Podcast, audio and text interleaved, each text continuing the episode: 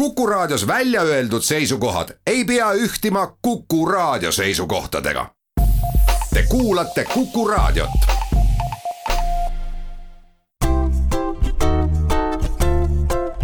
patsiendiminutid, Patsiendiminutid toob teieni Eesti Patsientide Liit tere, head Kuku kuulajad! patsiendiminutid taas eetris ja mina olen Kadri Tammepuu. me räägime täna, kuidas Teadusnõukojas koroonakriisi puudutavaid otsuseid vaetakse ja kuidas üldse käitumisteadlased inimeste käitumist juhivad.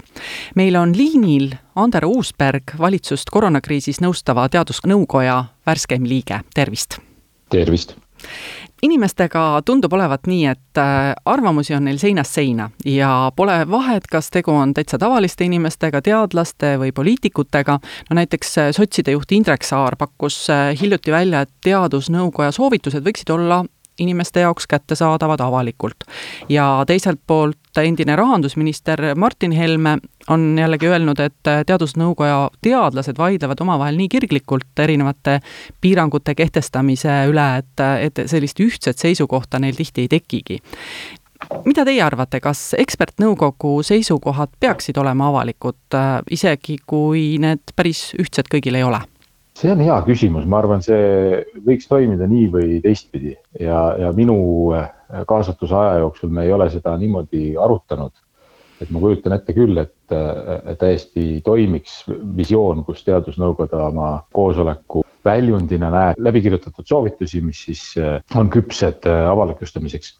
praegu tõepoolest me sellisel tasandil soovitusi ära ei sõnasta, vaid sõnastame nad sellisel tasandil, et, et nõukoja juht Irja Lutsar saab minna valitsuse istungile või nõupidamisele ja esindada meie seisukohta. Ja valdavas enamuses taaskord minu nõukoja liikmelisuse jooksul on, on konsensusele jõutud küll. Ja mulle tundub, et kui me nüüd vahetaksime natuke seda režiimi, mis on kindlasti mõeldav, et siis, siis lihtsalt ka selle nõukoja tööprotsess natukene nihkub, et, et formuleerida paremini viimistletud avalikkusele tarbitavad soovitused no just, äh, teistpidi jällegi tihti on vaja teha väga kiireid otsuseid ja see võib-olla räägib selle kahjuks, et kui hakata siin pidulikult protokolle koostama.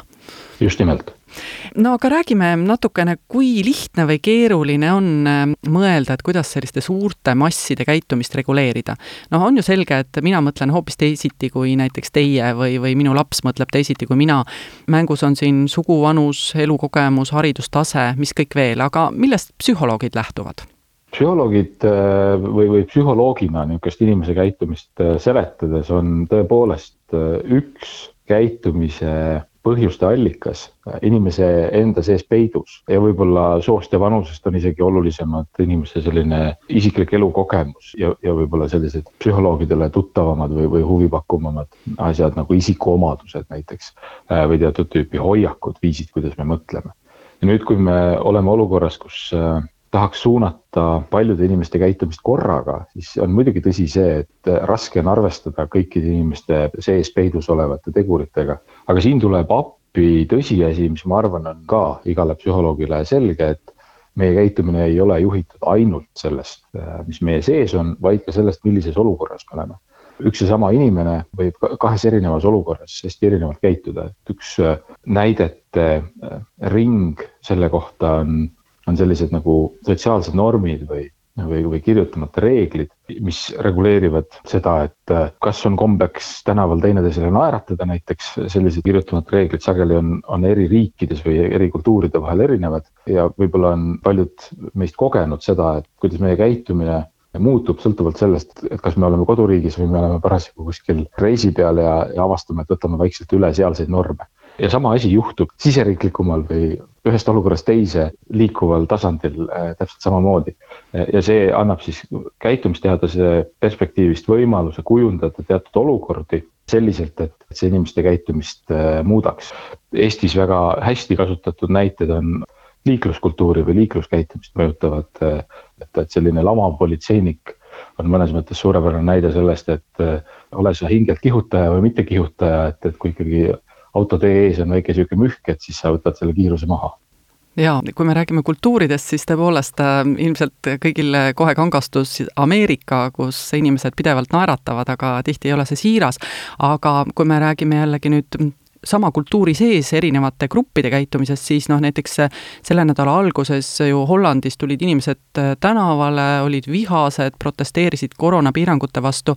ilmselt püüavad kõik poliitikakujundajad selliseid olukordi vältida moel või teisel loomulikult, kui me tuleme tagasi, mis arutelud meil seal teadusnõukojas on, et tööriist, mida me kasutame, on Sotsiaalministeeriumi ja Riigikantselei tellitud avaliku arvamuse uuring, mida viiakse iga kahe nädala tagant juhuslikult valitud, aga rahvastiku suhtes esinduslikul valimil läbi.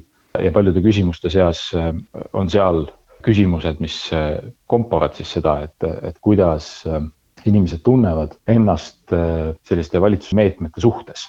Seal on üks, üks täitsa spetsiifiline küsimus, mida ma sageli jälgin, mis, mis reageerib päris kenasti olukorrale, et ma mäletan siin enne jõule, kui valitsus oli kaalumas ja siis lõpuks, eks ole, otsustaski rangemad piirangud äh, Harjumaale ja, ja Ida-Virumaale. mõnda aega enne seda oli selles küsitluses näha, et suurem enamus inimesi ootaks valitsuselt tugevamaid piiranguid ja kui need otsused on tehtud, siis on see protsent niimoodi pöördunud, et, et valdav enamus inimesi on rahul sellega, millises seisus piirangud on.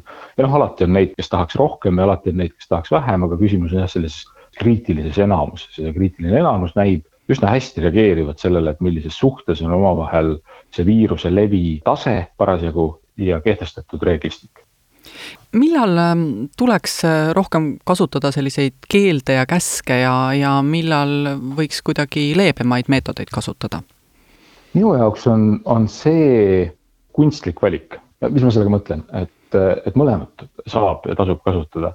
Ja peaaegu kõik äh, käitumisvaldkonnad meie ümber on reguleeritud nii kirja pandud kui kirjutamata reeglitega. see, et äh, lähedasele inimesele või võõrale inimesele tänaval ei tohi sellist viga teha, on seaduses kirjas. see, et talle halvasti ütlemine on äh, ebaviisakas ja, ja mõistlik inimene nii ei tee, seda politsei ei kontrolli, äh, aga ometi on, on meil kokkulepe, äh, selline sõnastamata kokkulepe omavahel, et, et me üldjuhul seda ei tee. ja samamoodi ma arvan, selle koroonaviirusega toimetuleku puhul ka oleks hea, kui need asjad käiksid käsikäes kui mul on nagu üks murekoht Eesti selle koroona vastuse Äh, osas, siis, siis see murekoht on just see, et meil natukene on see inimeste omast algastusest tõukuv vabatahtlik käitumise muutmine, et, et mulle tundub, et inimesed teevad seda väga tublisti ja hea meelega, aga selles osas valitseb nagu kerge kakofoonia, et mis see siis on, mida, mida teha tuleks, et kas peaks kõik koosolekud ära jätma, millal peaks kõik koosolekud ära jätma, milliseid koosolekuid ikkagi võiks pidada, ehk siis, et, et sellist ähm, abi inimestele oma isiklike otsuste tegemisel, mulle tundub, saaks anda paremini ja, ja ma loodan, et, et selles osas ka mingid sammud lähitulevikus nagu astutakse. aga läheme siit korraks nüüd pausile. patsiendiminutid. patsiendiminutid toob teieni Eesti Patsientide Liit räägime koroonapiirangutest käitumisteadlase Andero Uusbergiga ja mina olen Kadri Tammepuu. Aga võib-olla võtame näiteks äh, selle koolide sulgemise ja vaatame emotsioonide ja, ja samas äh, ratsionaalse mõtlemise vaatevinklist, et ühelt poolt, kui mõelda, et inimene elab no kaheksakümmend, üheksakümmend aastat ja, ja kui ta õpib ka ühe aasta hektilisemalt, et siis tal ei ole võimalik selle ajaga lolliks jääda. samas äh, toob see koduõpe paljudele peredele kaasa probleeme just praegu, nüüd ja ajab närvi ja halval juhul tõesti viib ka tasakaalust välja, et, et kuidas seda olukorda lahendada, et kuidas seda emotsiooni kuidagi pidurdada? võtame järgemööda, et, et üks küsimus on siis tõesti võib-olla see, et milline on mõistlik äh, poliitika selles küsimuses. ja juhtumisi koolide küsimus on selline, mida, mida teadusnõukojas ka minu perioodil me oleme üsna põhjalikult käsitlenud. Ja, ja juhtumisi ta on ka selline küsimus, kus on nii nagu paljudes nendes koroona küsimustes, et teaduskirjandus on, on väga värske ja hektiline, aga teda hakkab juba olema ja tõepoolest seda koolide kas siis sulgemise või distantsõppe mõju on, on uuritud ja hinnatud. ja minu kokkuvõte sellest on see, et äh, päris tõsiste tagajärgedega on koolide sulgemine, mida mõnes riigis teatud perioodil on, on olnud vaja rakendada, mis tähendab seda, et ei toimu ka kodus õpet, et lihtsalt, äh, lihtsalt lapsed on nii-öelda vaheajal. kui me räägime distantsõppest, siis selle puhul äh, on tagajärjed rikkalikud, et on halba, aga on ka head on äh, mõned äh, õppijad, kes äh, tunnevad, et neil on kodus parem, et, et nad vabanevad koolis mingisugustest pingetest ja, ja ärevustest. ma loeks ka plusside hulka selle, et, et hästi huvitav on see, et on tehtud selliseid võrdlusuuringuid, mis vaatavad, et, et kas efektiivsem on klassis õpe, selline e-vahenditega distantsõpe või õpe, mis segab kokku mõlemaid, lähtuvalt sellest, mis lihtsalt mingi õppeülesande täitmiseks annab parema tulemuse. ja selgub, et see kolmas on kõige efektiivsem. ja nüüd mulle tundub, et, et see distantsõpe on Eestis andnud äh, kõigile osapooltele, on need siis õppijad, lapsevanemad, õpetajad või koolid, sellise sundusliku tõuke hakata natukene katsetama erinevate e-õppevahenditega. ja ma usun, et kui see kõik meil kord läbi saab, et siis, siis mitte, et me jätkame täieliku distantsõppega, vaid paljud meist äh, õpetajatena, õppijate ja, ja lapsevanematena on paremini ette valmistatud selliseks hübriidõppeks. aga nüüd, äh, kui tulla tagasi selle juurde, et kuidas distantsõppele nagu hinnangut anda, et siis nende negatiivsete tagajärjede loetelus äh, ma praegu veel ei maininud, aga olen täiesti nõus sellega, mis küsimuses ka peitus, et et on terve rida äh, peresid, koole ja lapsi, kelle jaoks see distantsõpe on selgelt halvem. ja paraku on need äh, sageli need koolid, kes on nii või teisiti võib-olla kehvemini varustatud või ettevalmistatud ja veel enam äh, sellised pered ja sellised lapsed, kellel on võib-olla juba eelnevalt raskusi, on need siis sellist täiesti maist laadi, et kui, kui on kodus mitmeid lapsi ja kõik nad korraga peavad saama arvutit kasutada, et kus on need toad ja kus on need arvutid, kus seda kõike saab rahulikult teha. või siis sellist rohkem nagu psühholoogilist laadi tõesti, et milline on see kodune õhustik, et kui vanemad ja õed ja vennad kõik on ka distantsõppe tõttu rütmist välja löödud, et siis see õhustik ei toeta õppimist ja ka inimesed ja lapsed on erinevad, et mõne jaoks selline iseseisev enda juhtimine on, on hõlbus ülesanne, teise jaoks mitte. Ja nüüd, kui eeldame, et on terve rida siis selliseid haavatavaid äh, lapsi, kodusid ja koole. et siis see, mida distantsõpe teeb, on see, et ta, ta süvendab veelgi ebavõrdsust, mida kool üldjuhul üritab äh, pigem tasandada ja see on üsna tõsine tagajärg, millel on pikaajaline tõesti mõju, uuringud ka näitavad seda, et äh, hariduse mõjud elukäigule kipuvad kumuleeruma. et see ei ole päris selline loogika, et noh, et mu elu on kaheksakümmend aastat, et tühja sellest nagu poolest aastast et, et see pool aastat ei ole ainult pool aastat, vaid see pool aastat on vundament, millele ma hakkan ehitama järgmist pool aastat ja järgmist pool aastat ja järgmist pool aastat ja seetõttu selle efekt võib kumuleeruda. ja nüüd selle pika jutu kokkuvõtteks ongi järeldus, mida teadusnõukoda hästi äh, ühehäälselt ja, ja igal võimalusel nagu kasutab, on see, et, et koolide distantsõpe võiks olla meetmete seas, mida me kasutame sellepärast, et on, on üks, üks efektiivsemaid viise, kuidas viiruse levikule piiri panna, aga me võiksime teda kasutada suhteliselt viimases järjekorras. et enne võiksid piirangu alla minna sellised elutegevused, mille mõjud ei ole nii tõsised ja nii äh, pikaajalised. ei tohiks enam tekkida seda olukorda, kus baarid on lahti ja koolid on kinni nii ta vist kipub olema, et kui füüsikat üheksandas klassis ära ei õpi, siis kümnendas ähm, on keeruline sellega edasi minna. aga teine teema, mis äh, ka ju väga palju tekitab äh, küsimusi ja, ja inimesed arutavad täna, on vaktsineerimine. küsitlusuuringud ju näitavad ka, et kõhklejaid, kes ei ole veel tegelikult kindlalt otsustanud, mida teha, neid on üle poole elanikkonnast, et miks inimene siis kõhkleb, kui teiselt poolt infot äh, juba vaktsineerimise kohta, kasude kohta, kahjude kohta on päris palju? Õnneks ta kõhkleb järjest vähem, et see, see küsitlus äh, tulemus, äh, millele te viitasite, et, et, et see on äh, üks selline kuu aja tagune, kui nüüd vaadata viimast, ma jälle tuginen siin sellel samal riigi tellitaval regulaarsel uuringul, et, et siis tegelikult neid inimesi, kes äh, kas on juba otsustanud või ütlevad, et, et ma veel otsustan, aga ma üsna kindlasti teen selle ära, on, on kaks kolmandikku umbes. aga selge on see, et on, on kõhklejaid ja, ja psühholoogina mina saan öelda, et kõhklemine on väga mõistlik. me oleme iseenda elude eest vastutavad ja teha läbimõeldud otsuseid on kindlasti teretulnud ja tervitatav. vaktsiinide puhul avalduvad mõned siuksed nagu psüühika ehituse nagu omapärad, mis teevad selle otsuse meie jaoks keeruliseks. ma pean silmas seda, et on keeruline hinnata, kui tõenäolised on mingisugused tagajärjed, et, et nüüd, kui inimene, kes teeb vaktsiini otsust, siis sisuliselt tema ees on, on valik, mille tagajärjed ei ole kummalgi juhul garanteeritud, üks võimalus on, et ma jätan vaktsineerimata ja sellel on tagajärjed, aga need on kõik sellised võib-olla tagajärjed. võib-olla ma jään haigeks, võib-olla ma jään raskelt haigeks, võib-olla ma ei jää haigeks. ja vaktsineerimise puhul on paljud tagajärjed samamoodi, mitte päris sada, sadaprotsendilised, et kuigi õnneks meil on praegu vaktsiinid, mille puhul see tagajärg, et, et kui ma lasen ennast vaktsineerida, et siis ma ei jää raskelt haigeks, et see on, selle kohta võib öelda peaaegu kindlasti, et see on üheksakümmend viis protsenti, eks ole. Aga siis on lisaks ka need kõrvalmõjud. Ja nende kõrvalmõjude puhul kehtib täpselt sama selline võib-olla, et ma tean küll, et see on väike võimalus, aga kui väike see täpselt on, et seda on inimese psüühikal nagu raske täpselt tunnetada. Ja, ja sellises olukorras juhtub tihti see, et, et psüühika nagu võtab kasutusele niisuguse nagu aseaine ja me hindame sündmuste tõenäosust selle alusel, kui hõlpsalt nad meile pähe tulevad. ja üks näide täiesti muust valdkonnast on, on see, et et näiteks kui on toimunud äh, suur lennuõnnetus, mida uudised põhjalikult kajastavad, siis mõnda aega pärast seda meile tundub, et lennukiga lendamine on ohtlikum, äh, kuigi tegelikult ei ole, baas, alustatistikas ei ole mitte midagi muutunud.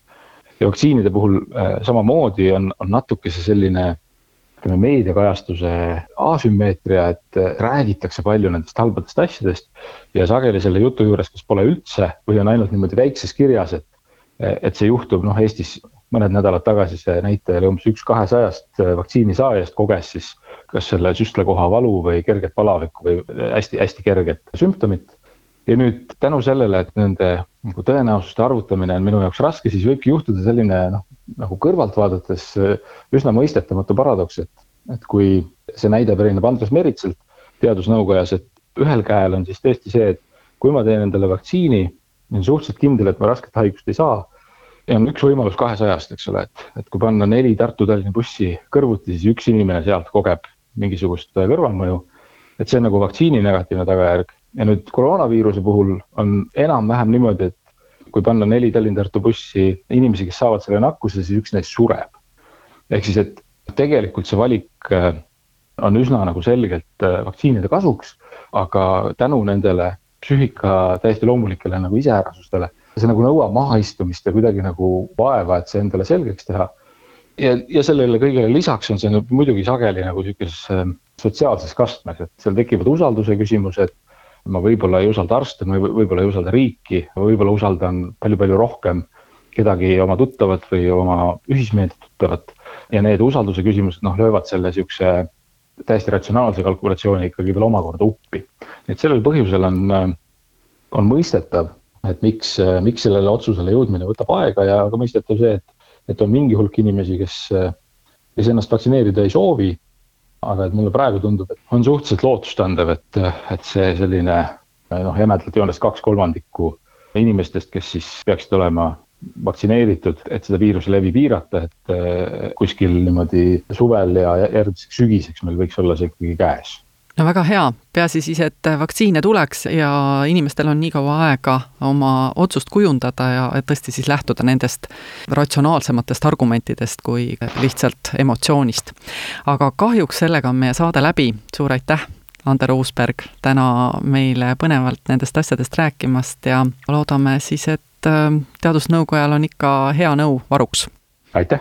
suur tänu ka kuulajatele, kuuleme taas järgmisel nädalal ja seniks olgem terved! Patsiendiminutid. patsiendiminutid toob teieni Eesti Patsientide Liit